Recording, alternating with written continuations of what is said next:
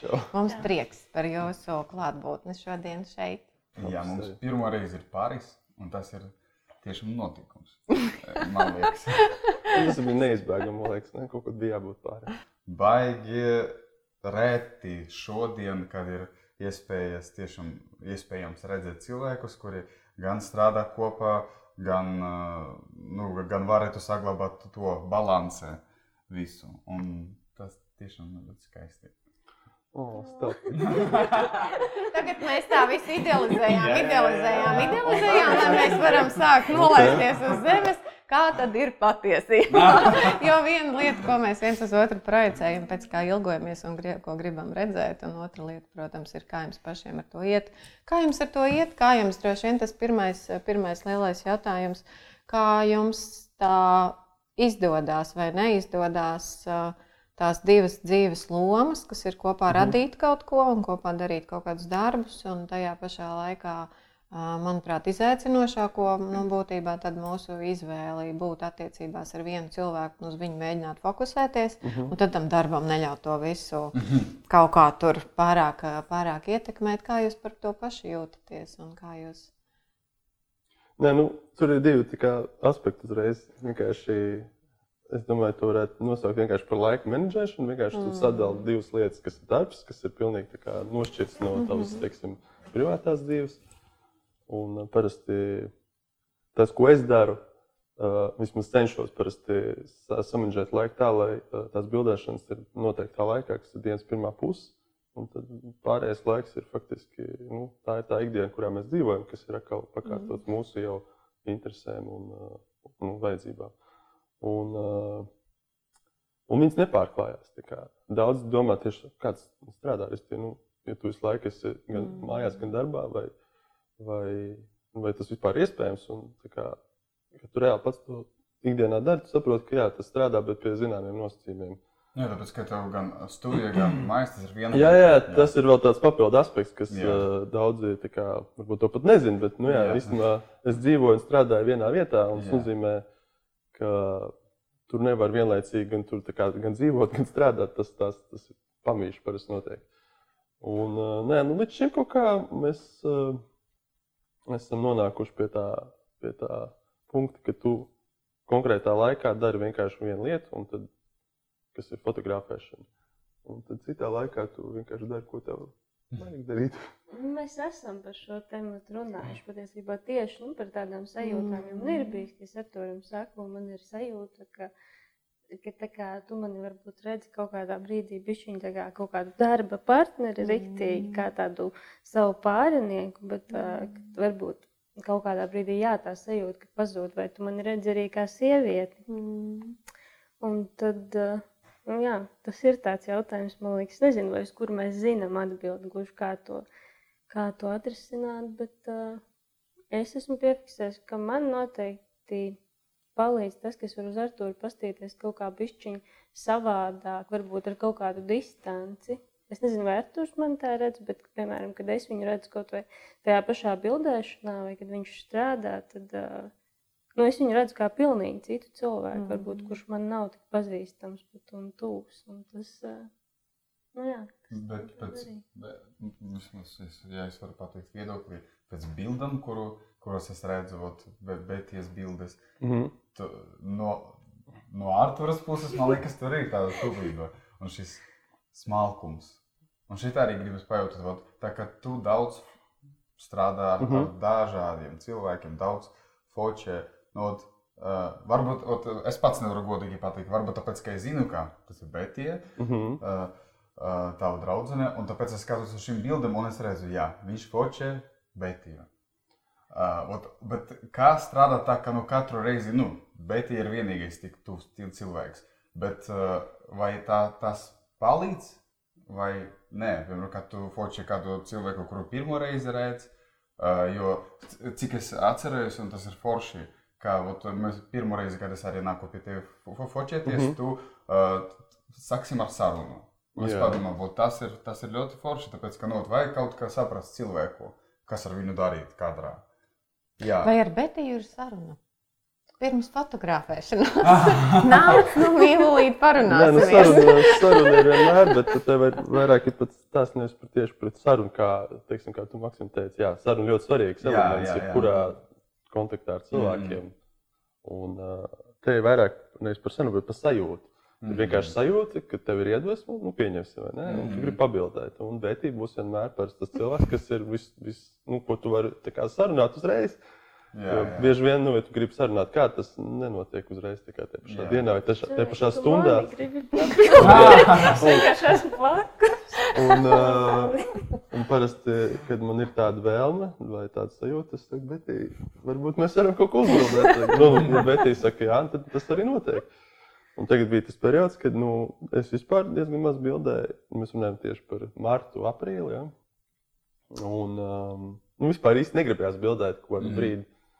Bija tāda kaut kāda diezgan uh, umācoša sajūta saistībā ar uh, visu to. Uh, distancēšanos, jā, un attiecīgi. Bet tā tādā ziņā man pilnīgi izglāba dažos brīžos, un tā ļoti skaists bildes.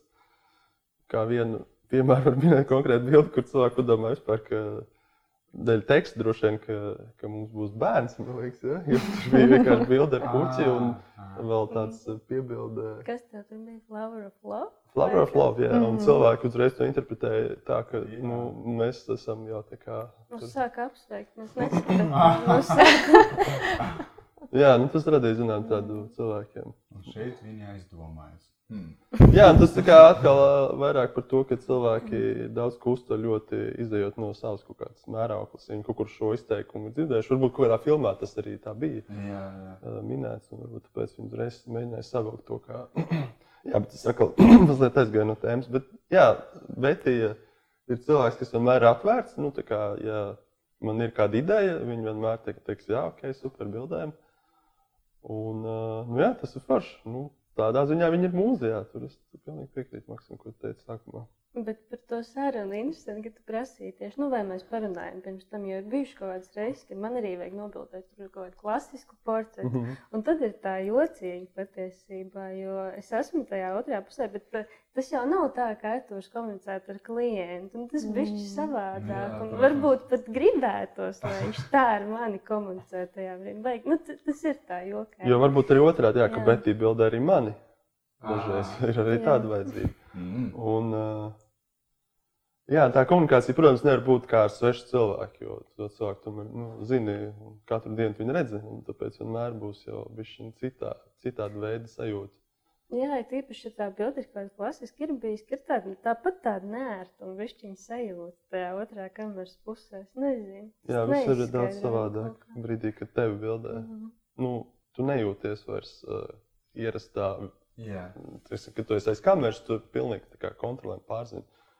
Un tu faktiski esi jau citā mazliet stāvoklī nekā vispār ikdienā ar cilvēkiem komunicējot. Man norisināja ļoti tas, kā Betija norēģēja, kas man liekas, ir tādas ļoti atklātas un, un biežas ilgas partnerattiecībās. Mm. -hmm. Mums mm, mēdz pazust tā sajūta, ka uz mums skatās kā uz kaut ko ļoti īpašu. Nu, uz kaut ko, kas tomēr ir, ir nozīmīgāks nekā tas vispārējais, uz ko arī tas cilvēks skatās. Kā jums liekas, kā jūs tai savās attiecībās noturat šo te īpašo skatienu? Ka Nu. tas, kā es uz Betiju skatos, ir kaut kā savādāk nekā es skatos uz tām visām skaistajām sievietēm, kas regulāri nāk pie manis fotografēties, mm -hmm. vai arī otrādi. Tas, kā es skatos uz Arthuru, ir kaut kādā ziņā savādāk nekā uz visiem džekiem un, un foršajiem vīriešiem un sievietēm, kurus es sastopu savā dzīvē. Kā jūs, jo tas ir tāds milzīgs izaicinājums partnerattiecībās. Nu, ja mēs gribam viņās to monogāmiju saglabāt.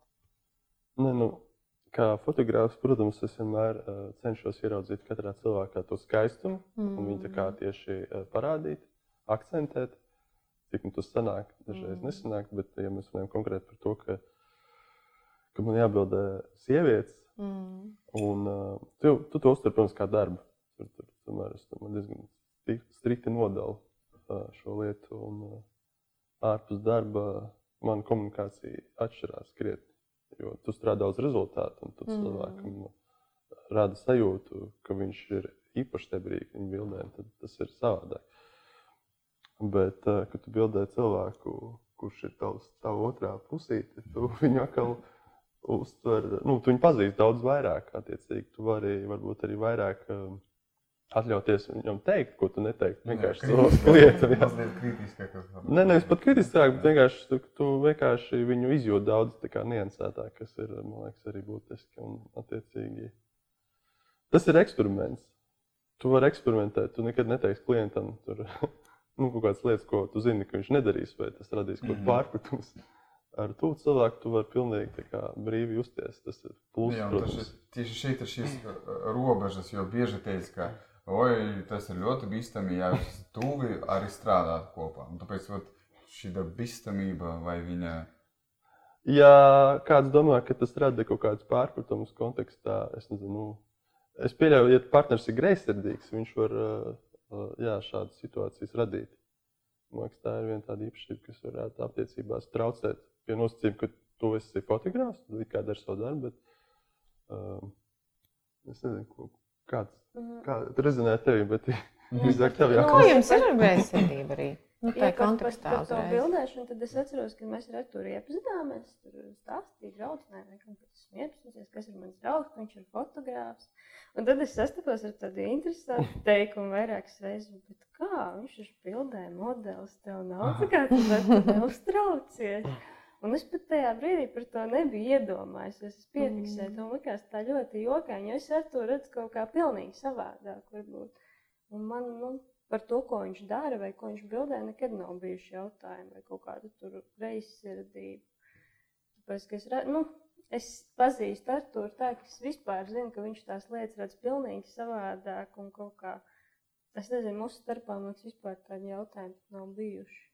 Nu, tieši kontekstā par kaut kādu darbu bildēšanu, bet uh, par greizsirdību kā tādu, man liekas, ka pirms es iepazinos ar Arturu, es biju diezgan greizsirdīga. Bet mūsu attiecībās tiešām nesmu nu, tā izjutusi to. Jo, man liekas, ka tas arī savā ziņā ir tāds eh, stereotipisks uzstādījums, ka, jā, ja tu esi fotogrāfs, attiecīgi uzreiz tu ļoti. Nu, Viss atkarīgs no cilvēka. Ja mēs tā mhm. skatāmies, tu vari strādāt jebkurā profesijā, bet galu galā tevi vērtē tomēr individuāli pēc tava rakstura un tādām īpašībām. Tāpēc, um, jā, tas, ka iespējams kāds fotogrāfs uh, strādājot, iepazīstās ar meitenēm. Tas, nu, protams, tā notiek, es domāju, diezgan bieži. Vai vienkārši nu, iepazīstās savu nākamo draugu, tādā kontekstā arī var notikt. Bet, uh, bet jā, paturpinot domu, kāpēc. Uh, par to, kā mēs saglabājam, par to man ir vispār. Tas... Man ir vispār tā, ka ceturkam to arī diezgan bieži saku. Man reizēm ir tāds, varbūt skanēs kaut kā dīvaini, bet man neliekas, ka es ar to pazīstu. Nu, tā, ka tiešām mm -hmm. man ir bieži tā, ka, es nezinu, mēs ēdam brokastis, es skatos uz Arturu un domāju, kas, kas tur notiek? kas tas par cilvēku? Nu, man patīk šis cilvēks, bet uh, tur taču vesels kaut kāds kosmos ir, es taču par viņu zinu tik maz. Nu, mm. Tur taču, kas tur vispār ir vēl? Nu, tā, tā kā man vienmēr ir viņi. Nu, man tiešām viņš ir ļoti interesants. Jā, starp citu, runājot par šo brokastīs, man liekas, tas tās, kas man liekas tieši tādā ziņā ļoti tev var vērot. Paredzams, jā, nu, tādā ziņā, ka es nu vēl tāds pa pusē pamodies. Man rīti ir ļoti bieži vien tādi. Nav tavs laiks. Nav mans laiks. nu, bet arī tas, ka mēs, man liekas, abi esam tādi, kuriem vajag diezgan daudz laiku pašiem ar sevi. Vientnē, un tas, ka mēs pat reizēm esam kopā, it kā fiziski telpā, mēs nu, nav sajūta, ka mēs būtu kopā. Mēs bieži arī varam mierīgi to tā nodalīt, ka mēs esam katrs kaut kādā savā pasaulītē mhm. atsevišķi. Uh -huh. Un tad mēs atkal tā kā sanākam kopā. Jā, es domāju, tas ir ļoti būtisks moments, it sevišķi, ka tu esi vienā telpā, nu, nosacīt, nu, tev jābūt vienam arī kādā brīdī tikai ar sevi. Jo tas laiku, ja tu vēl strādā, plus, eh, nu, parasti pēc bildēšanas ir tā sajūta, ka tev vajag to mieru, tev vajag vienkārši attiekt nu, tā, nu, kādu stundu vispār, lai atkal atgrieztos tādā realitātē. Tāpēc ļoti būtiski, ka mēs varam, ka ne, mēs varam, mums vajag pabūt atsevišķi. Mm, Jebkuram cilvēkam, liekas, attiecībās vajag šo brīdi, kad viņš var mierīgi vienkārši pabūt ar sevi. Un, man liekas, tas ir ļoti būtisks aspekts vispār, jebkurās attiecībās, jā, laiks ar sevi. varbūt daudzi ir pieraduši, ka nu, labi, tas arī atkarīgs no cilvēka. Protams, mm. Ir cilvēki, kam visu laiku vajag kaut kādu nu, cilvēku apkārt uzmanību. Laikam mēs tādā ziņā neesam. Nu, ir brīži, kad tas ir vajadzīgs, bet mums bieži ir tā, ka man konkrēti man drīzāk man vajag atpūsties no cilvēkiem. Var pajautāt, tā kā ot, ā, nu, vairāk jā, tās tā sanāca, ka es, es tur fo- follow you un es redzu da- daudz bildes, bet tā kā Betija esi grafiskais dizaineris, tā kā es ne- nedaudz saprotu Tanī, uzreiz par to atvainojos, bet ā, ir ot tāds kopīgs darbs, darbi, Ot, nu, pa- tā kā es sapratu, tu kā ot, palīdz pa brīžam, kā modeli, kā uh, mūza, tas ir ļoti daudz, kas iekšā jau nozīmē. Bet, ot, piemēram, kāds darbs, kaut parādīt, piemēram, to mēs izdarījām kopā. Patiesībā jūs abi esat piedalījušies jā, šajā projektā, kur mēs, kur mēs taisām kopdarbā. Tas ir, ā, Pieturpunktos. Tieši man. To, to mēs nevarētu uztaisīt, ja nu, katrs nebūtu ielicis savu Jā. kaut kādu ar, ar tavu tajā. Tas ir viens tā kā uzskatāmākais, ko mēs jau Jā. taisām otro gadu. Un ir daudz projektu, kur, ā, ku, kurus neredz cilvēki, bet ā, kas ir ā, konkrēti ikdienas darbs. Teiksim, mana, mana ikdiena ir bildēt, bet ja atkal palīdz ar kādu apstrādi, jā. vai arī nu, daudz citus vēl jautājumus viņi risina, ko, ko neviens pat neredz nekad. Bet, nu, jā. jā, jā. Jo ir tāds cilvēks kā es, kas pēc dabas, um, um, kurš parasti nevar menedžēt vairākas lietas. Kurš var darīt vienu konkrētu lietu, ko es arī daru, bet un citas lietas atkal man vajag uzticēt kādam citam. Un Betija bieži vien uzņem, uzņemās šo pienākumu. Mm. Dažreiz pat es domāju, ka pat pārāk daudz uzņemās.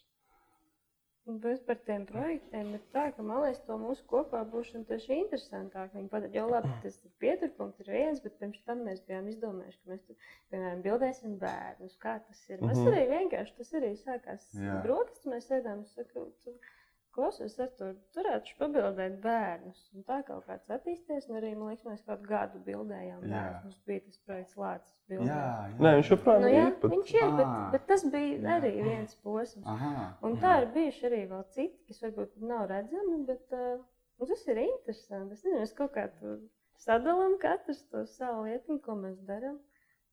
Jā, Latvijas bildē tas arī bija diezgan aktīvs viens brīdis, kad Mm. mēs to darījām. Bet viņa ļoti aktīvi piedalījās tajā projektā, jo parasti es biju cilvēks, nu, kā jau parasti ar kameru, bet viņa bija tieši blakus.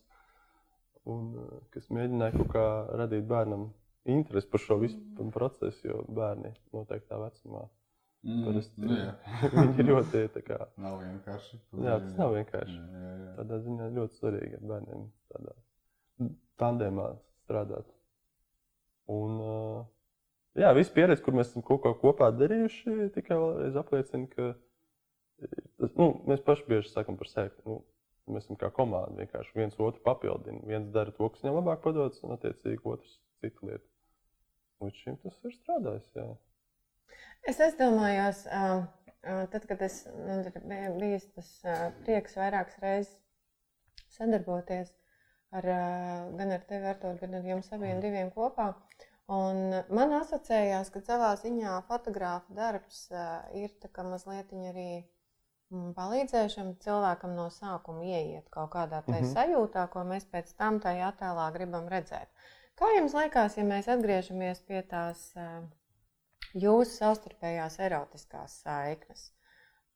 Kā jūs, kā tu, Betī, redzi, kas erotizē Artūru, ka viņš no darbinieka un partnera, no darba partnera pārslēdzās uz vīrieti un sākās kaut kāda seksuālāka dinamika, nu, kur jūs vairāk pārslēdzaties uz šo lomu?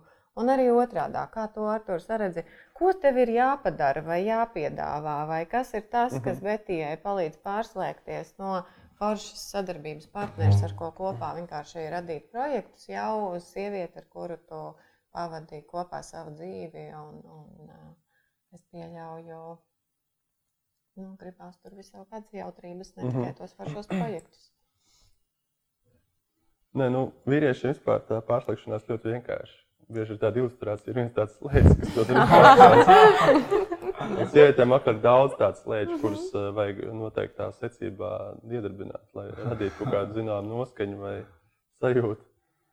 Un, uh, es vienmēr izbaudu to laiku, kad mēs pavadām arī kopā. Protams, darbs beidzās, tu vienkārši kaut kur brauc, atpūties. Un, nu, tā tā noskaņa parasti radās. Bet, es domāju, vienkārši mums atšķirās mazliet arī tā seksuāla enerģija, kā viņi izpaužās. Mm -hmm. Tas ir viens tāds svarīgs moments. Nezinu, kā to varētu noraksturot. Kā, nu, pieņemsim liesmu, ja, kas ir tāds. Mm -hmm. uh, Varbūt man viņa ir tāda mierīgāka, kā sveces liesma, bet ir tāda bišķiņa jaudīgāka. Kā, mm. Es nezinu, tāda gāzes plīsa uguns. nu, labi, varbūt tas nav labākā ilustrācija, bet nu, tā, lai jūs varētu vizualizēt to Jā. sajūtu. Un uh, intensitāte arī atšķirās, kas man liekas ir forši. Jo bieži, ja tā intensitāte ir ļoti vienāda, var sadegt. Nu, ir tā kaislī, mēs runājam par to pirmo mm -hmm. posmu attiecībās, kas bieži vien ir. Un, uh, man liekas, tādā ziņā mēs pat viens otru papildinām. Bet kas ar to viņu ieslēdz? Kas viņu ieslēdz? Es klausos, un man nav nejausmas. Kā mēs šito sievieti, kurai nav tas slēdzis, čiks, un viņa ir pārslēgusies, kas ir, kāpēc es par šo jautājumu? Tāpēc, ka uh, tomēr divdzimumu attiecībās tas ir viens no klasiskiem partnerattiecību -hmm. izaicinājumiem, ka mums ir šīs divas fizioloģijas, mums ir pārsvarā Jā. divi seksuālie temperamenti, kuri dzīvo vienā dzīves telpā. Tas nozīmē, viens kaut ko grib, un otrs nonstopā kaut ko negrib. Un uz vienas plaknes mēs esam salīdzinoši rēti, un ja mēs tā kā neprotam, saprotam šo valodu, kurā mēs tā uz tās vienas plaknes nonākam, vai viens pakāpjas zemāk, vai otrs augstāk, nu, tad pēc tīri statistiski skatoties, ņemot vērā tās mūsu seksuālās attiecības, nu, kuras, kuras nu, es varbūt pēc tam uzdošu vienu citu jautājumu, kas man vienmēr liekas ārkārtīgi interesants, kā tas mhm. notiek praktiski cilvēku dzīvēs. Bet, uh, tās mūsu seksuālās dzīves pačākst. Mēs paliekam par foršiem draugiem un mēs varam kopā kalnus gāzt. Jo būtībā sasinhronizējoties, bet eh, mūsu iekārtas mehānisms strādā savādāk. Viņam tā mūsu draudzība nav vajadzīga. Viņš jau mēs pārāk mierīgi kopā jūtamies, jo mēs tā kā retāk viens otru jau spējam erotiski iekārot, un to kaisli uzdabūt augšā ir arvien grūtāk, grūtāk. Un sirdsāpes tur vienmēr sākās kādam pirmajam un kādam otrajam. Nu, kā tev liekas, ko tu esi uzzinājis? Jūs pietiekoši ilgu laiku esat kopā, nu, kaut kādas jau tur klikšķi pogas ir, uz jā, ko tu zini. Jā, kad... ļoti izsmeļoši jau tā kā mm -hmm. noraksturo iespējamās problēmas, kas rodas ilgstošās attiecībās. Nē, es tā kā nevis izvairījos no, tā, no šī jautājuma, ka es aizgāju jau pa citiem. Bet uh, nu, galvenā, man liekas, tomēr ideja, jebkurās attiecībās, ir uh, tā uzmanība, ka tu konkrēti, mm -hmm. konkrētā laikā esi to cilvēku un tā kā pilnīgi velti mm -hmm. laiku viņam. Un uh, skaidrs, ka ar laiku, protams, jā, ir tas moments, tas pieredums sajūta, saucamā, mm -hmm. to cilvēku varbūt tāds uztvert jau ne tik seksuāli, kā varbūt pirmsākumā. Tas ir normāli, tas mm -hmm. ir tāds posms, ar ko, man liekas, iziet lielākā daļa Viens variants, ko esmu pamanījis, kas notiek mūsu attiecībās tagad, ir savā ziņā kaut kāda pat atturēšanās, un tad vienkārši tu, es, tu ļoti gribi to cilvēku. Nu, tu viņu gribi, bet mm. ir brīži, kad tu apzināti kā. Tāda attālināšanās. Mēs to tā apzināti darām. Mēs esam par šo runājuši. Mm. Un tad uh, ir tā sajūta, ka nu, tad ir ļoti laba sajūta. Mm -hmm. Vienkārši jā, tas, ir, tas strādā pie zināmiem nosacījumiem. Ja tu dien dienā esi kopā ar cilvēku, ja apstākļi mums droši vien ikdienā būtu savādāk, būtu atkal cits mazliet, um, veids, kā mēs varbūt. Uh, bet jā, tas, tas strādā mūsu gadījumā. Es arī to izjūtu tā, ka mēs tā kā apzināti, mēs, nu, mēs tieši esam par šo tēmu runājuši, protams, jo mēs arī ar to esam saskāršies tieši, tieši tagad mm. aprakstīt. Uh, un ir tā, jā, es to izjūtu arī tā, ka mēs kaut kā pilnīgi apzināti, tā, višķi tā kā tā kā tāda kuģīša attēliens no otras puses, kas saprotamies. Bet uh, par to, kas ieslēdz Arturu, nu, man diezgan, nu, liekas, man diezgan skaidrs ir tādā ziņā, ka viņš, kā fotogrāfs, viņš redz visu vizuāli, protams, yes. viņam tas mhm. tiešām arī vizuāli estētiskais moments ir svarīgs. Tā ir tāda lieta, laikam, kas vienmēr, nu, to arī bieži min, kā, jā, vīrietis uztur acīm, sieviete ausīm. Svarīgi, Savā ziņā saki? tas ir, jā, tas ir patiešām vienkārši, ja mēs paskatāmies no tādas arī mm, dzimuma psiholoģijas viedokļa, tad tas palīdz sievietes nervu sistēmai nomierināties. Nu, tāpēc, kad mums ir trauksmes centri attīstītāki, kad mēs ātrāk uzlasām sliktās ziņas, tāpēc mēs no sākuma izčekojam tā, kas nav kārtībā. Un tad, ja mēs arī nedzirdam nu, kaut Mhm. kādu to nu, labo ziņu, pietiekoši lielu, lielu daudzumu, tad pašai tā, sevi sastabilizēt ir bieži vien uh, lielāks izaicinājums. Un uh, vīrietim jā, izslēdz acis un ir problēmas. jo, jo, ko tālāk? Nu, ja nav vizuāla kārdinājuma, tas tiešām ir, ir, ir nu, diezgan izteiksmīgi. Bet, uh, bet nu, es saku, tas, kā man vienmēr liekas, nu, mēs esam tādi, kādi mēs esam. Un, un no jebkā mēs varam dzīvē radīt problēmu, bet mēs arī varam tos uh, dabas priekšnosacījumus lietot sev par labu. Un zinot, zinot šo estētikas kodu, piemēram, kas partnerim ir nepieciešams, lai viņš kaut kā, uh, kā lai saka, pievērst uzmanību tam, ko es vēlos, tas jau ir arī tāds inteliģents rādītājs. Es protu savu tuvu cilvēku ieaicināt telpā, nevis apvainoties, kāpēc viņš mani neredz. Mm -hmm. nu, nu, kas man liekas, ir jau tāda smalka jūšana partnerībā, ka mēs, uh, protams, nu, savā ziņā rotaļāties ar to, kādi mēs esam. Nevis padarīt to par kaut kādu tādu aprēķinošu spēli, kurai jābūt rezultātam, kurš vinnēs, kurš zaudēs. Jā, no attiecībās droši vien tas princips nestrādā. Ja tas ir kā, kurš vinnēs, kurš zaudēs visu laiku, kā kādam jāpierāda kaut kas, vai nu, kā, kuram ir taisnība, tas ilgtermiņā parasti noved pie. Bet jūs jūtat šo dinamiku, jo tā ir ļoti raksturīga partnerattiecību dinamika. Jo būtībā mūsu seksualitāte ir, ir mūs izaicina piedzīvot savu varēšanu. Un nepalikt tādiem jau nu, pārāk kāriem to savu varu demonstrēt un to varu pār to savu tuvo cilvēku just. Tas nemaz nav tāda nu, prasme, ko mēs tā ātri izkopjam. Zināt savu mēru, kuras jau vairāk tā kā man patika, kā Oskars Vēlts teica, ka viss šai dzīvē ir par seksu, tikai ne pats seks, tas ir par varu. Un līdz ar to arī mūsu ikdienas seksuālā dinamika, viss flirts un pavadināšana ļoti bieži ir, lai vairāk pārbaudītu, cik es tālu varu kaut ko panākt vai izdarīt. Ne tik daudz, kur tas jau ir tā kā es kopā ar tevi gribu darīt kaut ko, nu, vienalga tur lai kāda tā darbība būtu, bet nu, mēs kā kopā kaut kādas tās aktivitātes veicam, nevis sacenšamies. Kas ir jūsu attiecībās? Tas, kur jūs jūtat, ka tomēr, jo tas ir vispār cilvēciski un tas ir absolūti normāli, ka mums gribās pajust to savu varēšanu. Kā jūs to piedzīvojat? Nē, nu, ja mēs par tādu dominējošu stāvokli, noteikti tas nav izteikti mums raksturīgi, ka kāds baigi nosaka kaut kādu toni, bet tā vēlme cilvēkam izdarīt labi, lai viņš jūtas labi. Man liekas, viena no tādām pamatlietām, kas tev paša, pašam rada to, to, to seksuālu iekārtu, ka jūt, ka tas cilvēks izbauda to visu. Tas ir viens moments. Un, jo nav jābūt, nu, tas, tas, tas nav, tam nav jābūt kā pašmērķim. Kā, man liekas, teica Džordžs Orvels ja tu gribi būt laimīgs, tev nevajag izvirzīt kā, kā pamat, pamat vajadzību nu, nonākt pie tās laimes. Vienkārši mm. tu to dabiski, tu esi tajā sajūtā, tev nevajag visu laiku kā, izvirzīt kaut kādu mērķi, un jābūt tur. Mm. Tagad vienkārši nu, tu jūti to mirkli, ka viņš ir, tu kā, zini, ka viņš ir īsts, un tev nav jautājumu kāpēc kāpēc tagad, uh, mēs kādu laiku varbūt neesam bijuši tik tuvu. Vienkārši tu zini, ka tas, mm. ka tas ir kaut kāds cikli, tāpat kā dabā, un arī attiecībās ir kaut kāda posma, kad jā, cilvēki iespējams.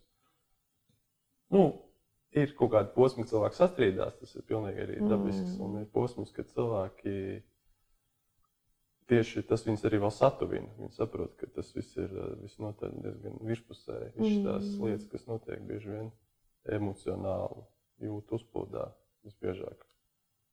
Un tad notiek kaut tieši tas brīdis, kad saprot, ka īstenībā jā, ka ir daudz svarīgākas lietas par to. Nu, par to es, es jau, vēl par to, jā, iedomājos par to, par to ies, ieslēgšanu, par to pietuvināšanos, tas parasti, mm, parasti jau noteikti caur tādu pieskārienu, kas arī ar to ir, liekas, ļoti svarīgs. Ikdienā vienkārši, ka, ka tu jau sāc pietuvoties ar kaut kādiem pieskārieniem, un tad jau tas, tas tu jau zini pēc ilgāka laika, ko katrs mm. pieskāriens uh, nozīmē otram. Bet es vispār to visu laikam skatos kā uz tādu nezinu, rotaļu, nevis kā kaut kādu spēli. Jo man liekas, ka spēle ir bišķiņa. Spēle man asociēs ar kaut ko, kas ir uz rezultātu vairāk, mm. t- tieši to uzvarēšanu, parādīšanu. Bet, eh, nu, jā, arī es nezinu, varbūt necenšos to uztvert visu tik ļoti tā nopietni. Tur nezinu, ja nu kaut kas tur nesanāca, vai nu, tur tiešām mēs esam kaut kādā brīdī tālāk. Tad tas jau nav nekas. Nu, Tas nav nekas briesmīgs. Tā nē, ir uzlikt kaut kāda milzīga svara un smaguma. Tā ir nu, tiešām tāda, nezinu, rotaļāšanās mums vienam ar otru. Nu, ne tā vienam ar otru, bet, bet starp mums. Nē, man liekas, problēmas bieži ir tajā momentā, kad cilvēks sāk pārāk visu analizēt. Nu, tā kā, ne, pat ne cilvēks, bet tavs prāts sāk analizēt, kāpēc tas bija tā, un, ko tas nozīmē. Man liekas, tad rodas jau tāds daudz pārpratumu. Varbūt pat tas ir vairāk bieži attiecības sākumā, kad to otru cilvēku ļoti nepazīst. Mm. Kad tu pazīsti, tev vairs nav šādas situācijas bieži, man liekas. Un mums atšķirās arī tie tiksim, tā, veidi, kā mēs viens otru uztveram. Jā, viens noteikti tas ir pieskāriens man. Un, bet te vairāk ir tieši kaut kādi vārdi, ko es saku. Tas ir divas atšķirīgas lietas, kas, man liekas, eh, ko mums vienmēr jāatcerās vienam par otru. Mm. Jūs satikāties? Kas bija tas pirmais impulss un kā jūs viņu jūtat tagad? Nu, pirmais impulss ir vizuāls impulss, ko tu mm -hmm. ieraugi cilvēku bildē. Nē, es, tas, tas, kā mēs satikāmies. Mēs satikāmies ļoti, laikam, mūsdienīgi. Jā, sanāk. internetā. Nu, faktiski Aha. aplikācijā Tinders. Ja? Mhm. Mm, forši. Jā, tas Jā. ir laikam, pirmā tāda reize, kad tas tā notika. Manā gadījumā, nu, kad tas noved pie nopietnām attiecībām. Parasti bieži Tinders asociēts cilvēkiem laikam, ar tādu veidu, kā vienkārši. Es domāju, tā ir Latvijas asociācija. Tas Iespējams, jā, noteikti jā. ir Latvijas specifika, kā mēs visu gribam kaut kā interesanti. Bet uh, noteikti tas ir. Uh, pirmā komunikācija ir vēl, kad tu neesi klātienē, tā ir saraksts. Jā, ir konkrētas lietas, kas rezonē ar tevi, ko tas cilvēks uzraksta. un Tas uzreiz jau ir pirmais signāls, ka tu gribi to cilvēku iepazīt tuvāk. Un, man liekas, mēs, nu, tas arī varbūt nav tipisks gadījums, bet mēs ļoti tā kā ātri, nu, faktiski no brīža, kad mēs satikāmies, tālāk mēs bijām kopā uzreiz. tā Kā, mm. nu, tā kā uzreiz vienkārši. Mm. Uh, man liekas, jā, nu, tā atmiņa man ļoti joprojām Nu, Es atceros, pirmā, kad es gāju tev satikt, un tev nebija brīvības. Es atceros to ļoti labi, jo visur, kurš tev bija redzējis, tev bija brīvības. Un es atnācu un skatos, vai tas ir viņš bez brīvībām. To sajūta bija labi. atceros. Jā, tā atšķirība droši vien, kā cilvēki uztver otru. Tikko, ja kaut kas viņa tēlā izskatās savādāk. Man daudzi to ir teikuši, jā, brīvs, protams, Jā, izmainīt. bet tas bija tā, ka mēs sēdējām, un Arthurs vienkārši kādā brīdī paņēma man roku. un Man tas tā pārsteidz, man tas likās tā Mm. netipiski, bet tajā pašā laikā tas bija un tik forši un tik vienkārši, un tas nelikās kaut kā nedabiski vai kaut kā. Tajā man Rauds fakts, ka mēs vai- bijām tieši tajā brīdī Jā, kinoteātrī. mēs bijām. Mums pirmais randiņš bija aiziet uz kino. Kas par filmu? Uh, Brits Pits. Sabiedrots. Sabiedrotajā Aha. Mm. Brits Pits. Tur bija brīdis. Nē, nu jā. Tu- laikam Kur, kuram rūp pirmā filma? ne jau tāpēc uz viņu iet. Mēs, mums ļoti patīk kino, un tāpēc arī tas varbūt nu, tā. Nē, filma nebija nejauši izvēlēta. Tā bija ļoti konkrēta filma, ko es noteikti gribēju apstīties. Un Mm. Un bija, bija, bija svarīgi dzirdēt viņas viedokli pēc filmas. Es domāju, ka jā, Tas nu, protams. ietekmē, ne? Mums ir nē, nē, nu, kopīgs, kopīgs interesi, kas attiecas konkrēti uz filmām, man liekas, ir ļoti Jā. zīmīgs arī mm, signāls, cik ļoti jums kādas Jā. lietas ir kopīgas. Jā. Tas nenozīmē, ka viņām jābūt nu, visādā ziņā kopīgām, tieši Mhm. otrādi.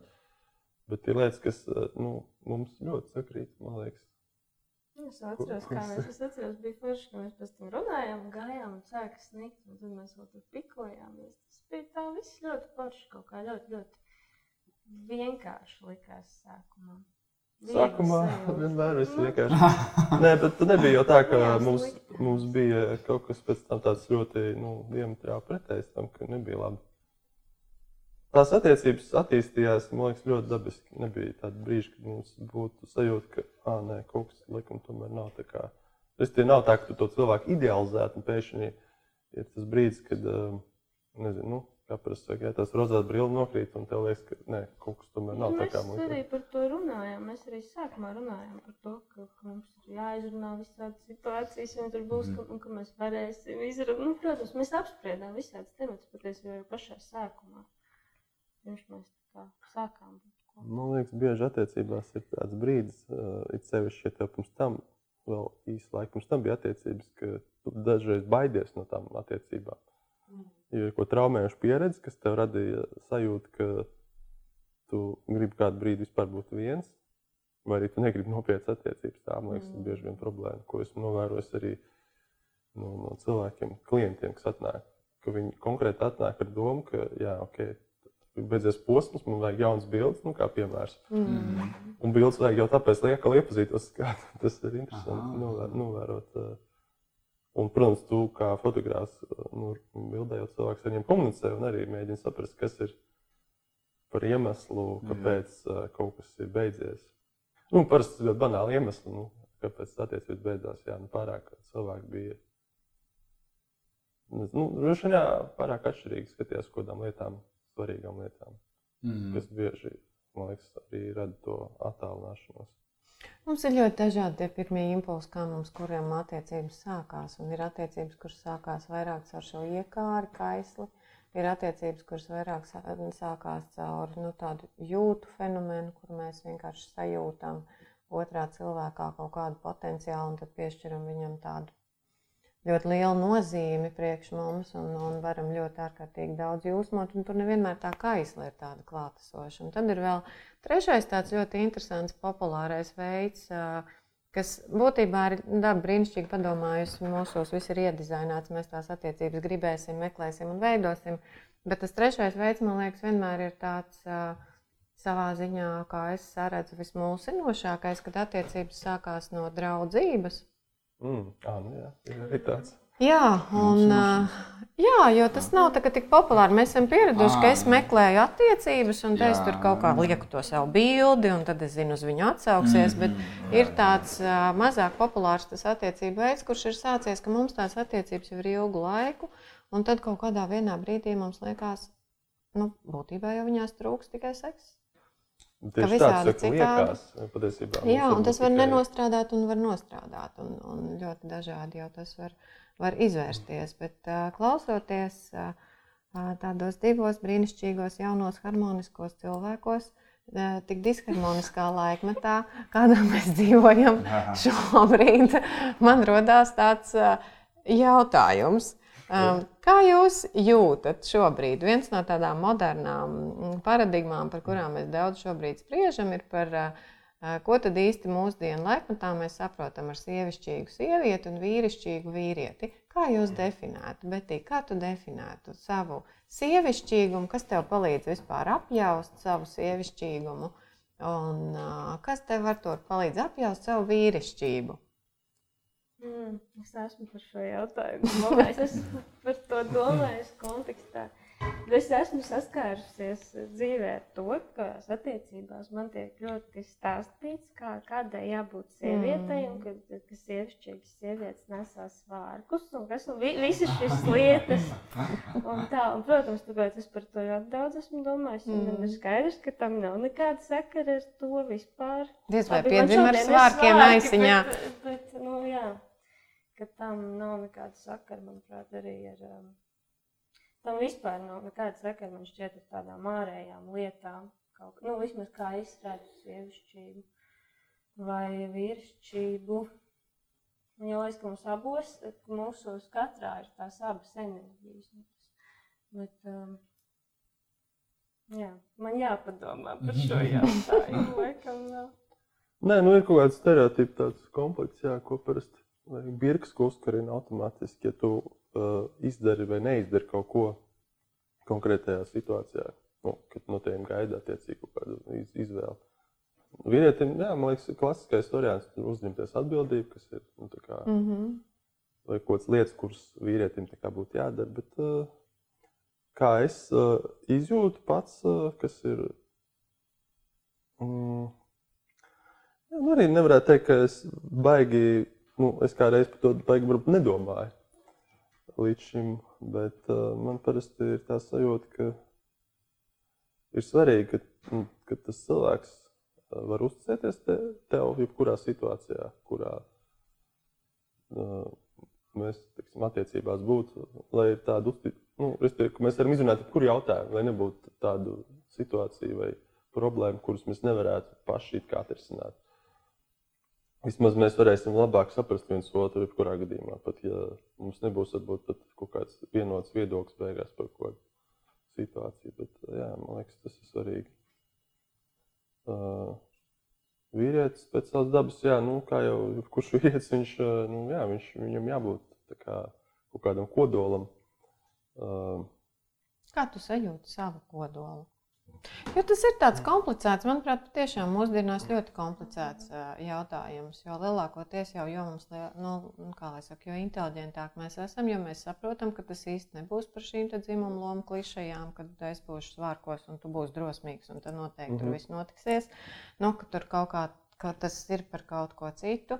Nu, kā tu sajūti tieši sevī to, ka es ar savu vīrietību, ar savu vīrieša dabu, ar savu vīriešu identitāti esmu nu, tādā pietiekamībā, tādā labā sajūtā. Mm. Jo apkārt jau piemēri dažādi. Dažādi draugi, nu, es pieļauju pieredzi ar tēvu, pieredzi ar veco tēvu, pieredzi ar nu, vīrieti Latvijā kolektīvi.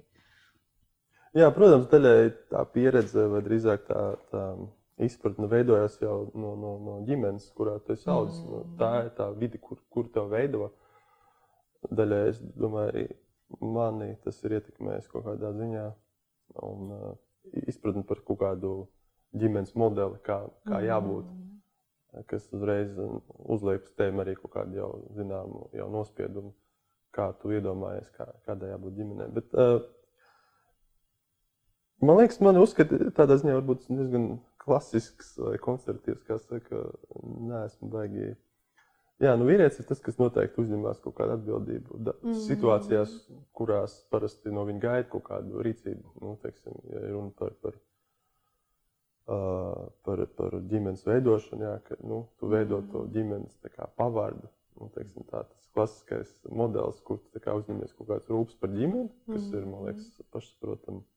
Lai gan mūsdienās, jā, tas ir diezgan pamainījies, kas jautājums par to, kurš pelna vai kurš mm. kā, uh, tas ir viens.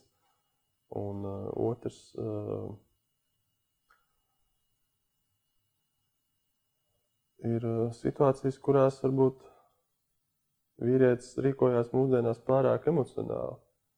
Viņš vairs ne, nejūtās kā vīrietis. Un, man liekas, tas arī ir tāds savā ziņā jau um, bieži kaut kādu stereotipu veidots pieņēmums, jo cilvēki kad uh, jāizdara kaut kāda izvēle. Viņi izvēlās varbūt to vieglāko ceļu, kur nav pretestība. Un mm. it sevišķi ir situācija attiecībās, kad uh, nu jā, tā ir tā liekas, lielākā problēma mūsdienās. Cilvēki bieži izvēlās vienkārši neturpināt tās attiecības, nevis nu, kaut ko iespējams pamainīt sevī, lai turpinātu. Un, bet jā, tas ir tas, ko cilvēki, man liekas, vīrieši arī bieži vien izvēlās vienkārši, ne, ok, mēs šīs attiecības nestrādā, mēs viņus beidzam. Man atkal ir tā sajūta, ka nē, tieši varbūt jāsaprot, kāpēc viņas nestrādā, un tad uh, kaut kādi jāizdara secinājumi. Mm.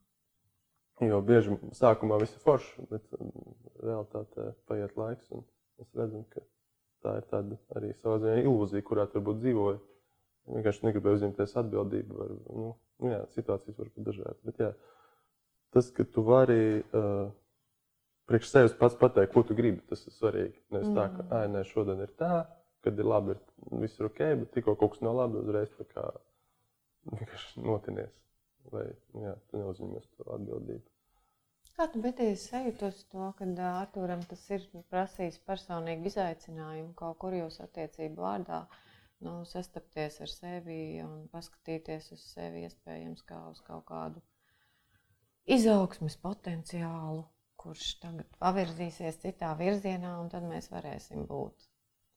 Ir tev bijusi kaut kāda tā pieredze, kur tu esi sajutusi par to, ko viņš stāsta, kā tas ir noticis?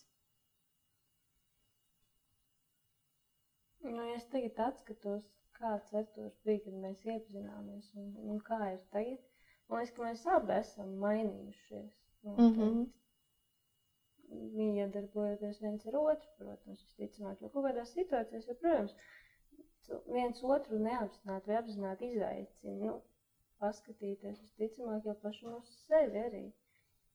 Un, uh, jā, Artūrā, man patīk Artūrā ļoti tas, ka jā, viņš teica, ka viņš ļoti klasiski varbūt uztver to visu uh, par vīrišķību un sievietību, bet man ļoti patīk Artūrā, jā, ka viņš, uh, ka viņš tiešām viņš kaut ko saka, viņš to dara un viņš, jā, kaut kā ļoti to tā. Es pat nezinu, grūti to ir nosaukt vārdos.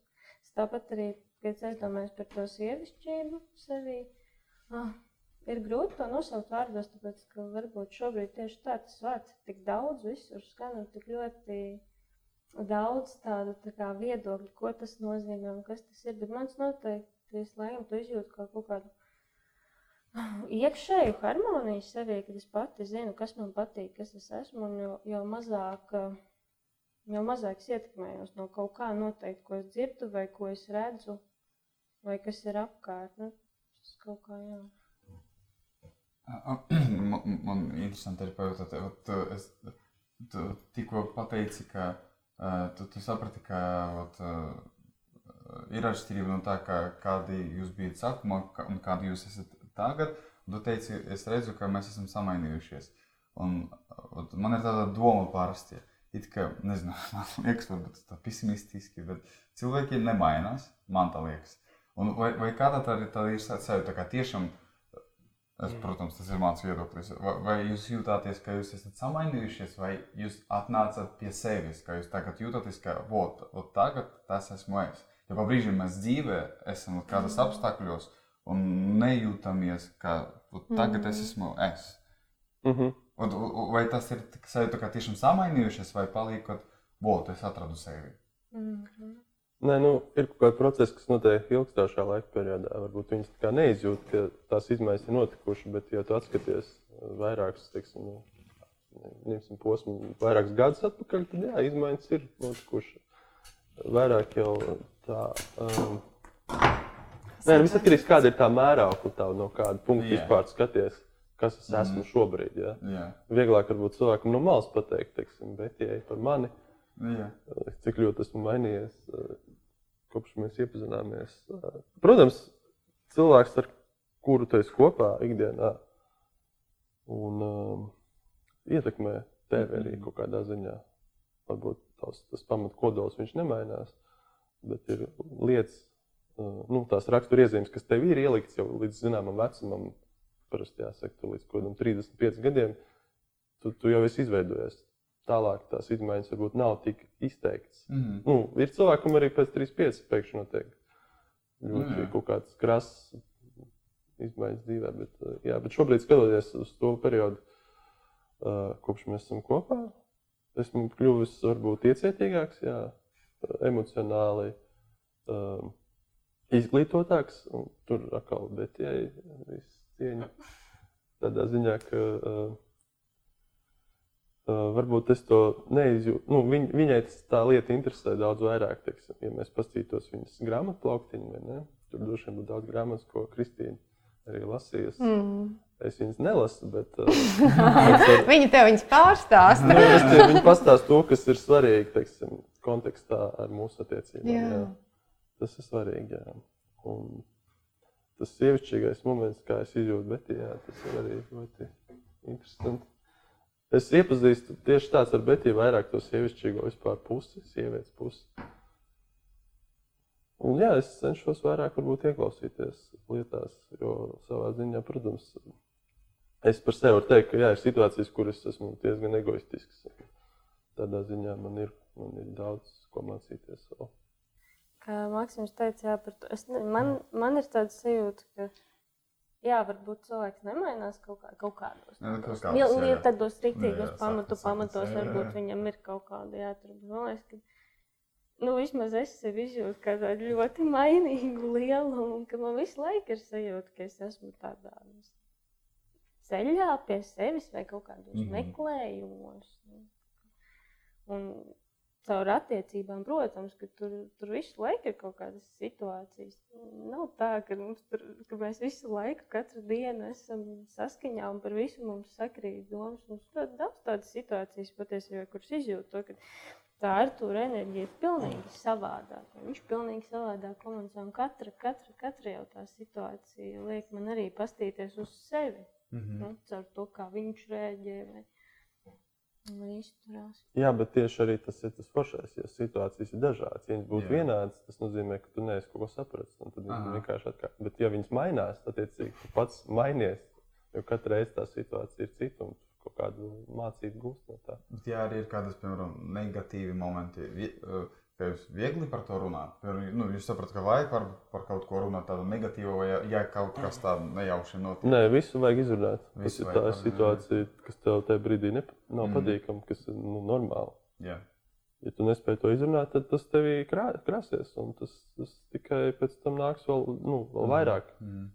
Vēl vairāk ietekmēs gan tevi, gan to otru cilvēku. Tu esi runājošs vīrietis.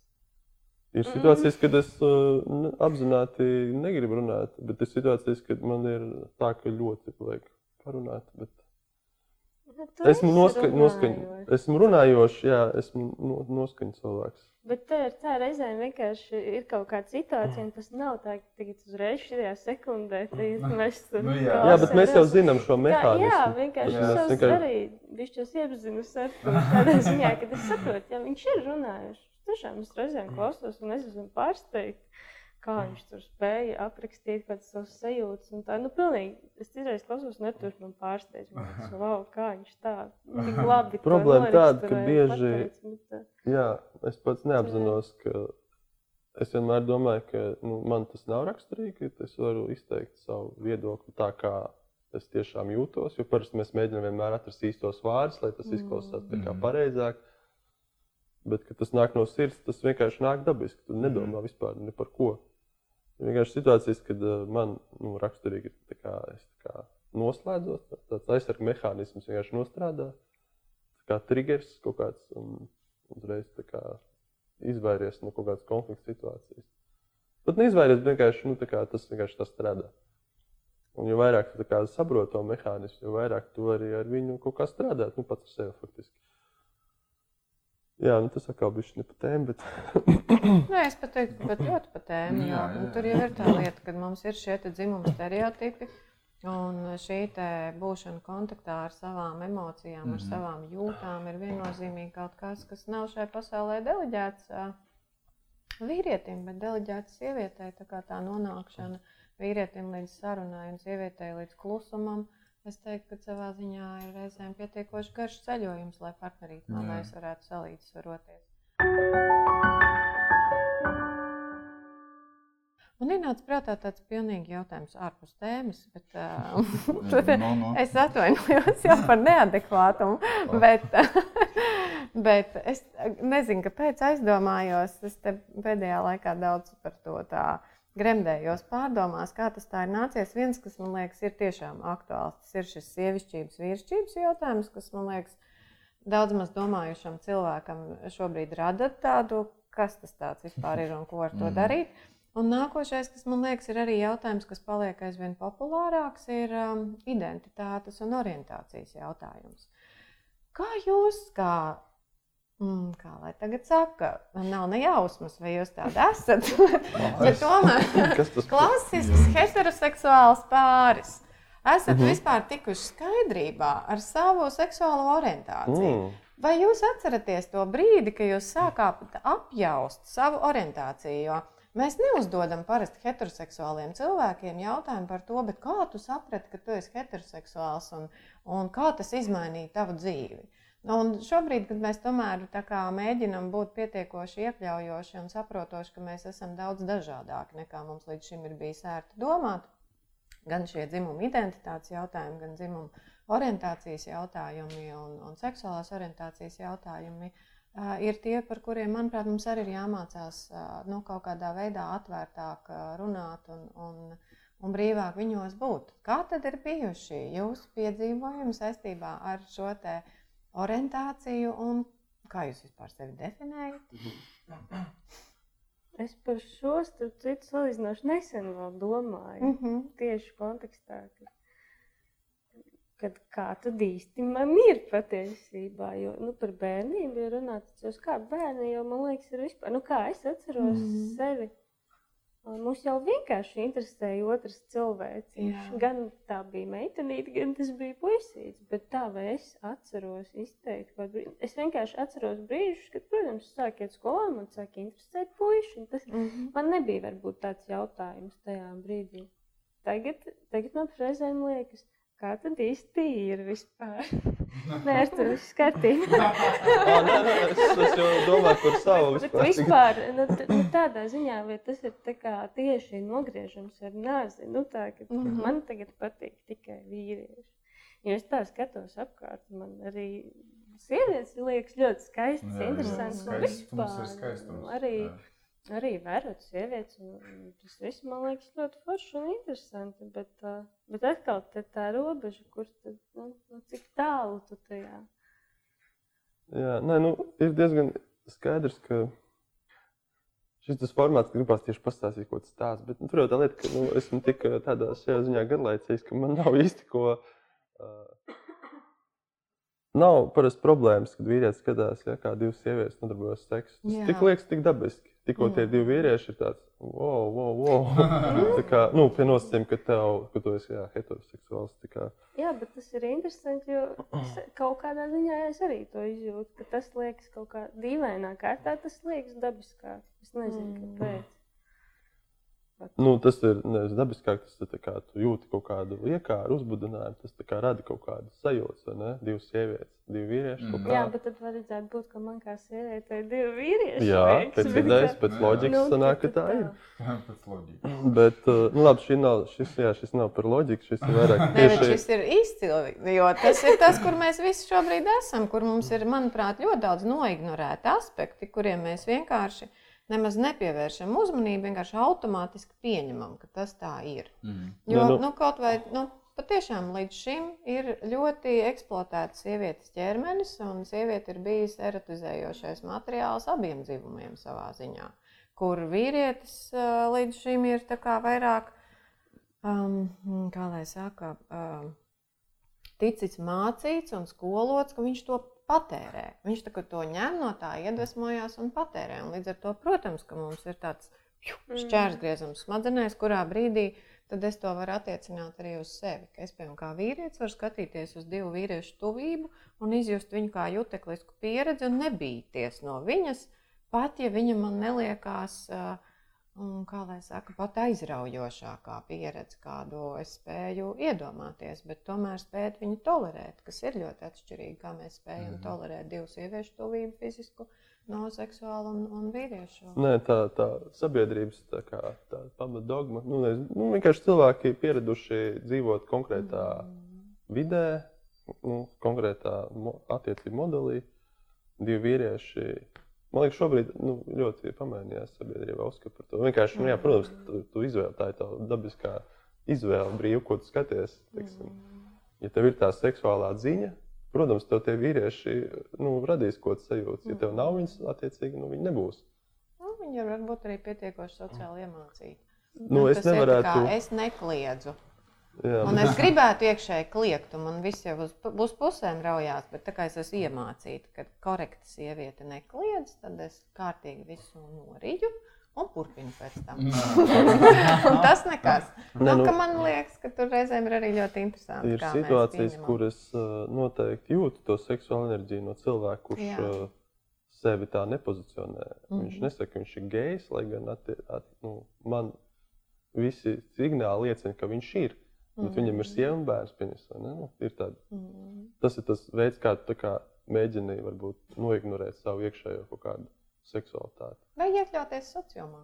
Jā, bet jautājums, vai tas uh, tev kā cilvēkam radīs tiešām, nu, tu būsi tas cilvēks, kāds tu tiešām gribētu būt, Mm. vai tu apslāpē šo ziņu tikai tāpēc, ka ir kaut kāda uzskata sabiedrībā, Mm. kas tev liek tā darīt. Es nezinu, nu, tā ir tā, protams, brīva izvēle. Tur neviens tev nevar tā kā likt kaut ko darīt. Vismaz ne Latvijā, man liekas, nav vairs mums tāda, tāds laiks, lai mums vajadzētu slēpt to. Un es redzu, ka vairāk cilvēku publiski arī paziņo, ka nu, klasiskais, jā, izie, iziešana no skāpja. Jā, tas, mm. kas Latvijā, man liekas, arī vēl pirms kāda laika bija diezgan rēta parādība. Ir ceļš, tāpēc, ka tu esi jā, publisks cilvēks un, attiecīgi, tu domā, ka tas varētu ietekmēt tavu kaut kādu, uh, nu jā, kaut kādu cilvēku, tavu fanu, teiksim, viedokli. Te. Es domāju, tas ir galvenais iemesls bieži vien. Bet uh, atgriežoties, jā, nu, vienkārši, nu, vai nu tev tas uzvelk vai nē, tik vienkārši. Un ja tu ignorē šo sajūtu, nu, ok, tu, tur jau tev pašam jāizlemj. Mm. Vai, vai tev tas ir tik ļoti svarīgi, vai tieši otrādi tu negribi, lai cilvēki zina šo tavu seksuālo izvēli. Mm. Es nezinu, domā, tā ir izvēle. Es, nē, es man nemulsina vispār. Man pilnīgi netraucēja kaut kāds cits cilvēku attiecības. Vienalga, lai arī kādās kombinācijās viņas tur, tur būtu. Vairāk man vienmēr liekas interesanti vērot, kad ir viens dzimuma pāri attiecības, bet tur tāpat vienmēr nu, ir tas, ir tas kā, kā mums šķiet definēts, tā sieviete, un nu, sievišķais un vīrišķais, tur jau tāpat arī tas ir. Nu. Tas, tas man vienmēr liekas interesanti, kaut kāda tāda dinamika arī. Seksuālais temperaments. Tas mm. būtībā ir ārkārtīgi jauks novērojums, jo um, tas nav orientācijas jautājums un tas mm. nav um, dzimuma piedarības jautājums. Tas ir seksuālā temperamenta jautājums. Ir griboši cilvēki, kuri vienkārši skaidri jūt šo te. Ir pietiekoši daudz dzimuma hormonu, kas definē to, ka es skaidri jūtu, ko es gribu. Tāpēc arī attiecībās visticamāk es būšu vienkārši dinamiskāka, jo tā mana griba, mans kontakts ar manu gribu vienkārši ar, automātiski radīs daudzas situācijas, kurās es izskriešu pirmā. Nu, tā kā vienkārši tas ļoti ātri notiekās. Un tad ir šī reaģējošais seksuālais temperaments, kurš uh, ir kaut kas kontekstuāli notiek, un tad es uz viņu reaģēju. Un man ir grūtāk sajust, ja nav konteksta, es neko negribu. Mm. Un mēs vienmēr redzam, ka jebkurās attiecībās viens ir vairāk apjūts par to, ko es gribu, un otrs ir vairāk definēts. Un, protams, nav pareizo un nepareizo variantu. Mums vienkārši vienmēr ir tas attīstības ceļš. Ja es baigi zinu, ko es gribu, man iespējams ir jāmācās tolerēt citu cilvēku gribu, ka viss nav tikai par manu gribu. Mm. No savukārt, ja man ir galīgs gribas apjukums, tad diez vai otram ilgstoši būs vispār interesanti, ka viņš visu laiku savu spoguli principā dzīvojās, jo es nekad nevaru definēt, ko es gribu. Un tieši tāpat tas ļoti interesanti arī izpaužās tajā mūsu mūsu seksuālajā pašrealizācijā patiešām jau ļoti konkrēti, nu, kad runa iet arī par seksuālo tuvību. Kurš ir tas, kurš ir gribošāks, un kurš ir tas, kurš vairāk ir kontekstuāls un atsaucās. Un, un tam nebūs nozīmes, vai mēs esam vienzimuma attiecībās, vai mēs esam divdzimuma attiecībās, vai mēs esam tur kaut kādā kokteilī un salikumā, un mūsdienās viss ir iespējams. Jebkurā gadījumā šī gribas dinamika vienmēr būs attiecībās novērojama. Kā jums ir ar gribas dinamiku? Kurš no jums ir gribošais un kurš ir reaģējošais? Kuram jārada apstākļi? Mums, laikam, diezgan skaidrs. Mēs esam sev nodefinējuši. Laikam, diezgan skaidrs. Stāst, kā es esmu nodefinējuši. Nu, tu jau iepriekš teici par tām uguntiņām. To jau tur arī domāji. Nu, kad, kad, laikam, es nu, esmu bišķiņ tāda vairāk griboša. Mm -hmm. nu, jā. Jo man, nu, jā, tu teici par, par to dinamiku un par to, ka jā, es esmu jā. arī to novērojis, ka man ir diezgan tas miksēti, kad ir situācijas, kad man vispār tam nevajag nekādu ārēju jā. stimulu. Man vienkārši šī vēlme rodas, un tur, tur nav nekāds vizuāls, nekas vienkārši. Mm -hmm. un, un ir brīži, jā, kad vajag atkal. Jā, nu, Es nevaru teikt, ka man ir tā loma, ka, ka es negribu. Nē, nē, Vienkārši nē. tas ir ļoti. Nu, kā jau teicu, no, noskaņa cilvēks ir brīži, kad to tiešām ļoti gribi. Un... Konteksts ir svarīgs. Mm. Jā, jā pat, faktiski viss ir atkarīgs no kaut kādiem ārējiem faktoriem, mm. apstākļiem. Mm. Ja viņi, jo cilvēks jau bieži ļoti rīkojas neapzināti, viņš pat nesaprot, kāpēc viņš kaut ko dara. Un tikai, ja tu sāc analizēt, tad tu jau vari savilkt kaut kādas tur uh, lietas, kāpēc tas notiek. Jā, tas ir fēni, ka mēs to pamanām, jo tad mēs iegūstam jau būtībā uz šī te uh, Es teiktu, ka klasiskie partnerattiecību konflikti uz šī te arī bāzējās. Es tagad gribu, tu negribi, kas tas tagad ir. Mm -hmm. nu, vai arī otrādi. Nu, ko tu man mācies mm -hmm. virsū ar savu gribēšanu, es tev neko neesmu parādā. Nu, klasiku, klasika, man liekas, nav attiecības, kuras tam neizietu cauri mm -hmm. kaut kādā tē, ka mums, kamēr mēs nenonākam ar apziņu, tajā, ka mums vienkārši ir dažādas dinamikas un klausās, sākam sarunāties par savām dinamikām, nevis sacensties, kuram ir. Mm ir pareizais variants. Nu, mēs arī ļoti daudz konfliktu nevajadzētu. Nu, ja mēs apzināmies šo, ka tā ir lieta, kas mm. traucē, vai mēs spējam saprast, kā izdarīt tā, lai tas mums varbūt tieši otrādi, lai mēs varam kā, vēl vairāk no tā gūt kaut kādu labumu. Ja, ja piemēram, pafantazēt mazliet, nu, citu gribu uzdot jautājumu. Uh, piemēram, ar, nu, pafantazēt. Artur Matlis ir projekts. Kurš par ko? Okay. Ah, projekts, projekts. Jā, es, man gribas caur fotografiju kaut ko pajautāt. Uh, piedod. nē, nē, vispār jau piedod, ka es to samulsinu. nē, nē. Es savu fantāziju uzlieku. Piemēram, ja atnāca projekts ar uzdevumu, vajag nofočēt seksualitāti. Mm -hmm. Piemēram, ja ieslēgts asociatīvu domāšanu prātu, ko tu nofočēsi? Kas tas būs tur? Nu, tas var būt ļoti daudz, kas tieši tā. Pirmais, tas... jā, ir iespējams, nu... kas nāks prātā. Mm. Ja nefiltrēt asociācijas. nu, tā ir laikam kaut kāda sajūta, ko ieraugi kaut kādā attēlā. Tas varbūt arī augsts kaut kāds Aha. uh, tuvība, divu kaut kādu objektu tuvība. Tas varētu būt pirmais. Ja mēs tā neejam to, tiksim, to banālo vai klišeju ceļu, jā, jā. kur varētu būt divi ķermeņi vai nesavienoti. Mm, to parādīt mazliet caur citu skatu prizmu, lai tas mm -hmm. neizstāsta uzreiz tā kā, oh, nu, tā kā, lai tu kā skatītājs mazliet aizdomājies, yeah. kas tas ir. Un katrs droši vien ieraudzīs ko citu. Un, ja tas būs tas, ko tu domā, tas vispār ir fantastiski. Bet galvenais, jā, man liekas, ir uzdevums uh, cilvēkam, ko rada, radīt cilvēkam ne tikai sajūtu, bet lai viņš pats aizdomājās par kaut kādu lietu mm -hmm. un nonāk pie kaut kādas atziņas ar to, ar to darbu. Jā, jā. Bieži ir tā, ka ir darbs un ir jau apraksts, un uzreiz tas izslēdz kaut kādas citas iespējas. Kā uzreiz saprot, ah, jā. Bet, ja tev nav tas apraksts, tu vari izdomāt daudz vairāk nu, savā iztēlē kaut kādas lietas. Jā. Viennozīmīgi ir iztēle. Man liekas, ka par to seksualitāti, man liekas, tā bilde katram cilvēkam būtu savādāk. Nu, izpār, es to redzu kā kaut ko tādu. Es to neredzu kā kaut kādu objektu vai ķermeni vai kaut kādu. Es to vairāk redzu kā kaut kādas sajūtas, nezinu, kaut kā tāda jutekla, nu, tāda, tāda ļoti personīga. Tas var būt uh, pat kaut kāds noteikts krāsas, uh, nu, kas izraisa. Uh, Kādas krāsas? Oh, vesela gama. jā, jā, jā, protams, tā var būt. Siltie toņi noteikti. Tas varētu būt kaut kas tāds uh, spektrs starp uh, oranžu un violu, ne violetu, bet rozā. Uh, Jā. Mm -hmm.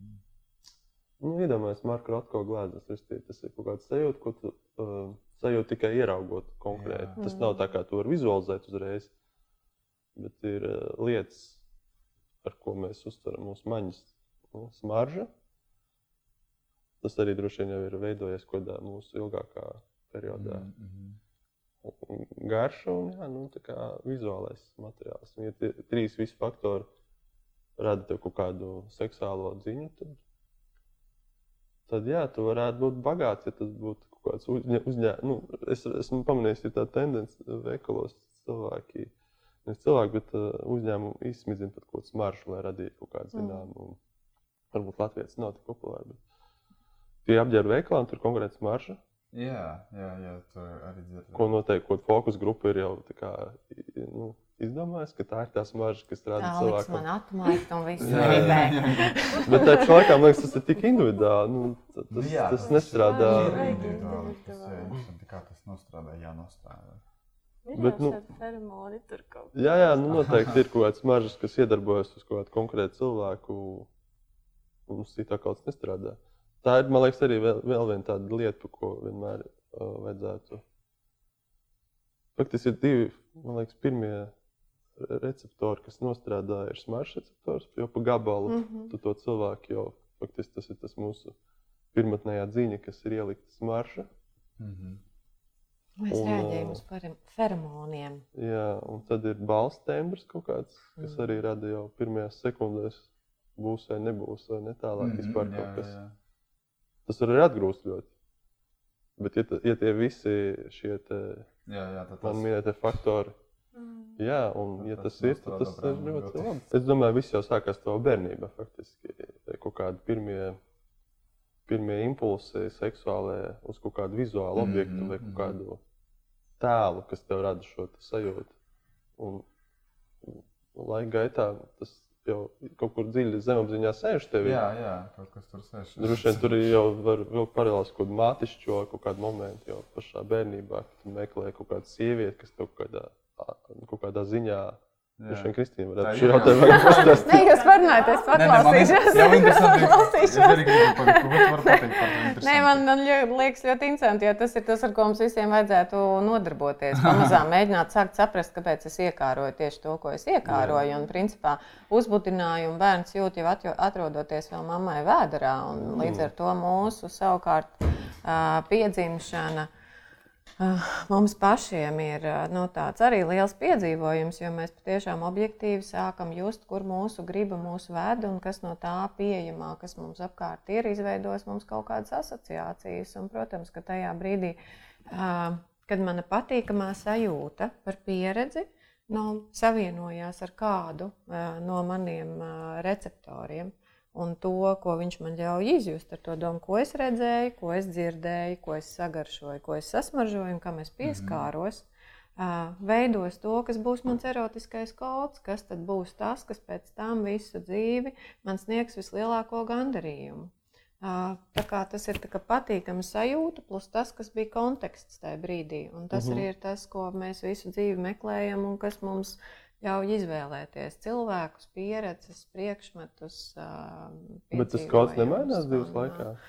Viņš ir tik dziļš. Tu ka viņu nevar- paplašināt. Es teiktu, ka viņš ā, nevis viņš mainās, bet viņš paplašinās. Un, ā, tāpēc mums viens no tiem aspektiem, par kuru mēs arī nu, runāsim ā, šajā raidījumā, un kāpēc būs nākošais jautājums, mēs varbūt parunāsim par jūsu izvēlētajām dziesmām. Mm. Mēs varam kāpēc? paplašināt savu apziņas lauku, ja mums ir konteksts, kas liek mums rezonēt. Bet, ja es sēžu ierobežotā telpā un visu laiku daru vienu un tās, vienas un tās pašas lietas, un savu apziņu nepaplašinu, es visticamāk arī neapzināšos nemaz cik ārkārtīgi daudz, kas man šai dzīvē var sniegt gandarījumu.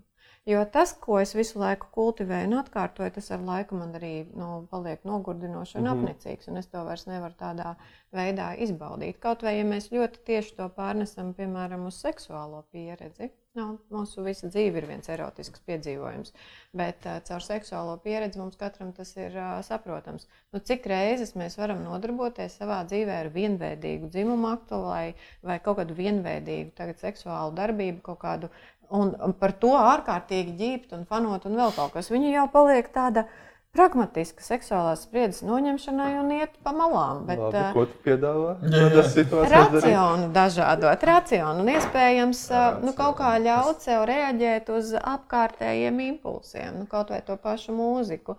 Kāda veida mūzikā, veicot to pašu dzimumu aktā darbību, es mm -hmm. iegūstu citu kustību amplitūdu, vai man nāk, es tā kā palīdzu sev asociatīvi veidot, jo mums ķermenis ir kustīgs par laimi. Nu, līdz ar to mēs varam arī to pašu dzimumu aktu izpildīt ļoti dažādos, dažādos veidos, bet tur būs mainīsies temps, mainīsies ritms, mainīsies iespējams kaut kāda nu, tā kustība, dažādība. Nu, tas nav tikai par pozām, bet to, kā mēs ar to ķermeni ieejam un sinhronizējamies viens ar otru, vai mēs dzirdam mm. viens ar otru, vai mēs sarunājamies viens ar otru. Tas ir tas, kas mūsu dzīves pa- padara baltpilnas, ka mēs ļaujam kontekstam mūs vest un, un paplašināt mūsu apziņas apvāršņus. Un jums bija ārkārtīgi brīnišķīgas playlistes saviem diviem. Jā, Cik nu Ļoti playlistas? interesanti jautājumi. mēs jums jautājam, lai lūdzam, lai jūs nosūtiet mums kādu dziesmu, kur jums asociējas ar seksu. Un tas bija forši saņemt tādu izvēli. Jā, nu, protams, divi cilvēki un izvēle. Jautājums, vai mēs, uz... tu nesaki, jā, tu sāc spēlēt, un tad Jā, mēs... jā, ā, jā, tā būs interesanti. Ok. Mēs- Sāksim saskatīties. Es tur, tā, ja es tur kaut ko sa- es salauzu, nu labi. Jā, ok. Ļauj, ļaujieties. jā. Es mēģināšu vismaz.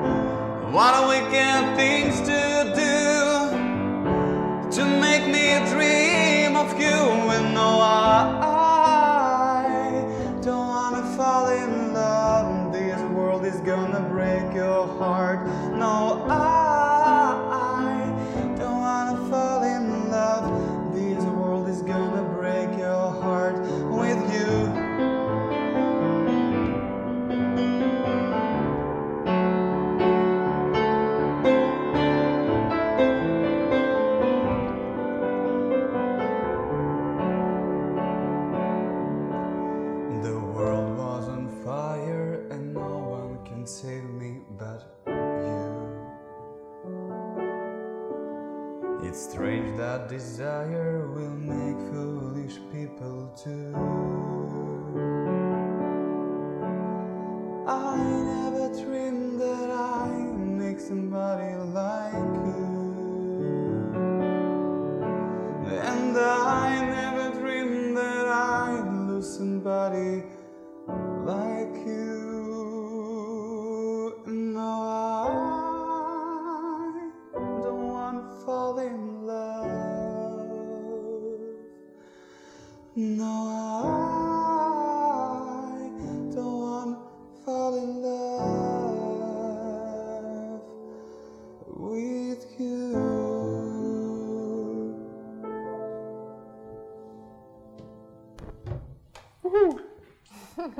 Paldies jums par dziesmu. Paldies. Kris Aizaks, jā. Tas Jā. ir tas, uh, Betijas Tas izvēle. pirmais gabals patiesībā, kas man ienāca Mhm. prātā. Jo, Ah, nu, vot. Bet arī redz, ne tikai mūzika, bet arī, protams, tas klips. Vizuālais, Es, kad es viņu pirmo reizi redzēju, kopā, nezinu, pirms jā. 11 gadiem, es vienkārši viņu neesmu aizmirsis. Tas ir tā Jā, jā, ļoti. jā, jā. Melnbalts, jā, viņš bija. Jā, tur meitene, viņš pludmalo. Jā. Mm, mm, mm, mm. Vispār, man liekas, mīlestība rada. Da, nu, radījusi daudz, uh, daudz šedevrus. Jā. Tādā ziņā. Vai drīzāk tā mīlestība, kas bija nu, tā sāpīgā, drīzāk pieredze, kas notiek pēc Nu, tam, kad uh, salauž sirdi, vai ne? Un tad radās visi tie uh, pēcīgie gabali. Romantiski. jā. Nu, romantiski, jā, Jā, jā, jā, nu, respektīvi, gan. tās, tās sāpes bieži vien par šķiršanos un visas tās dziesmas. Ja mēs paskatāmies kaut kādas mīlestības dziesmas, ir tādas nu, tāds, mm. Mhm. mīlestības balādes, mm. un ir Mhm. tādas Nu, Jā. sāpīgās šķiršanās. Šitie tie visi momenti. Jā. sastopamies ar savu ievainojamību un paliekam īsti. Tas mums pēc tam pašus aizkustina, un mēs varam atkal tam ļauties. Droši vien, ja tā nebūtu, tad pasaule būtu sasodīta vienlaicīga vieta. Jā, nu, tas ir laikam viena no jaudīgākajām sajūtām, ko cilvēks dzīves laikā mm. pieredz, man liekas. Gan labā ziņā, gan bez tā sliktā ziņā. Nu, tā kā tu iemīlēsi, un tad, ja kaut kas beidzās, tad atkal ir tas. Jā. Bet tā jau arī tāda neaprakstām, neatkārtojama sajūta. Nu. Es nezinu, kā būtu, ja es nezinātu, varbūt arī kāda ir tā sajūta. Nu. Forši, ka ir iespēja iepazīt mīlestību. Mums ir pēdējais jautājums. Jā. Ar kuru jūs Jā, samulsināt? jā, jā. jā, Nu, jā šis samulsinies. jautājums- Šeit, šeit, ar, ar šo jautājumu nevar būt pareizas, nepareizas atbildes. Vienkārši viņš pats par sevi ir tāds. Jā. Tāpēc mums interesanti katru viesi jautāt, kā jūs varat raksturot seksuāli inteliģentu cilvēku? Kāds viņš ir? Kas tas ir? Tas ir tas pēdējais jautājums visiem viesiem. Ja? Ir. Mēs ar viņu sākām, un tad mēs sapratām, ka Jā, labāk. beigt. labāk ar viņu beigt. Jā, jā, jā.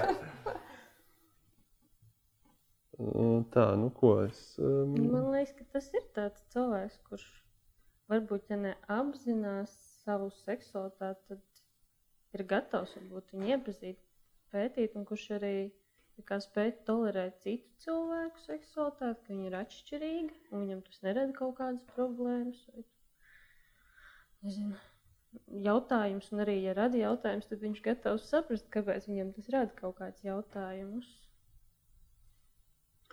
Jā, nu ļoti labi tu noformulēji. Nē, nu faktiski Es- es pretstatā. to. Pretstatā inteliģentai, ko mēs varētu pretstatīt, nu, ko dzīvniecisku seksualitāti, jā, nu, tā ir tāda nekontrolējama, pie- pieņemsim, ja, nu, tā kā instinktīva. Un mm. inteliģenta atkal uzreiz paredz to, ka tu tā kā bišķi iedziļinies tajā jautājumā. Tev pašam ir svarīgi, ko tas nozīmē tev un, nu, attiecīgi, otram cilvēkam, un tad tu sāc pētīt un sāc mm. iedziļināties. Un jo vairāk tu pēti, jo vairāk tas aizrauja iespējams. Un tā tā inteliģenta, tā zināšanas arī rodas. Un, ja tu vari viņus vēl tālāk kaut kā, nu, nu jā, lai gaitā, tu viņus, jo tu vairāk viņus izproti, jo vairāk, es domāju, ar to tu iepazīsti arī sevi un, nu, jā, pasauli ap sevi.